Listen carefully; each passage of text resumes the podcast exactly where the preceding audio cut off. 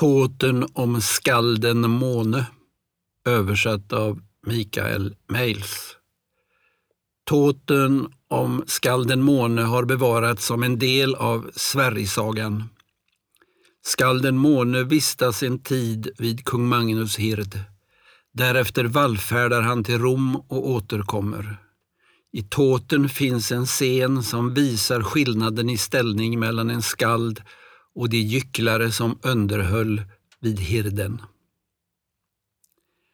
Kung Magnus och hans män låg en vecka i Unnardys på Lister.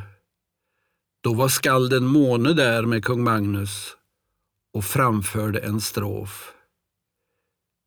Du store himlakonung, styr en vind mot bergen, till dig vi riktar bönen att bringa oss till målet. Bedrövade hålls männen i hamn av nordanvinden, i unnar dyser sunnan sen i dessa dagar. Kungen sa, det var bra diktat, mångubbe. Där låg en mängd tvättade skjortor i en hög och kungen sa att han kunde få en av dem. Måne hade kommit till kungen när denne befann sig österut vid gränsen. Han hade kommit ända från Rom och tiggt sig fram. Han gick in i salen där kungen satt med sina män och gav inget värdigt intryck. Den skallige, magre och nästan oklädde Måne. Men han visste att hälsa kungen med heder.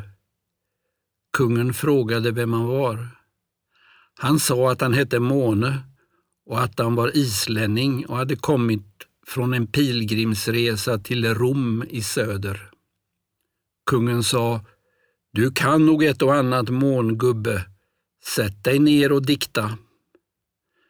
Då framförde han Utfarardrapa som Halldor Skvaldri diktat om Sigurd Jorsala far, kung Magnus morfar. Dikten väckte bifall och de tyckte den var underhållande. Två gycklare var där i salen och lät småhundar hoppa över höga stänger framför de förnäma männen. Ju ädlare männen var, desto högre måste hundarna hoppa. Kungen sa, märker du mångubbe att gycklarna inte hedrar dig? Gör nu en strof om dem och kan hända kan den vara till nytta för dig. Då diktade Måne. Den sluge har giga och pipa, han prålar med sin dårskap. Denne tappre kämpe beter sig ganska märkligt. Han låter den röda hunden hoppa över staven.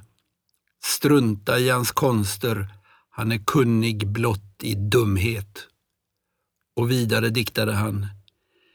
Gigan sjunger där männen skyndar sig att spela. Bleksiktiga narrar blottlägger sin enfald. Väldigt vad han skelar när han väser genom flöjten. Käkarna är spända och kinderna runda.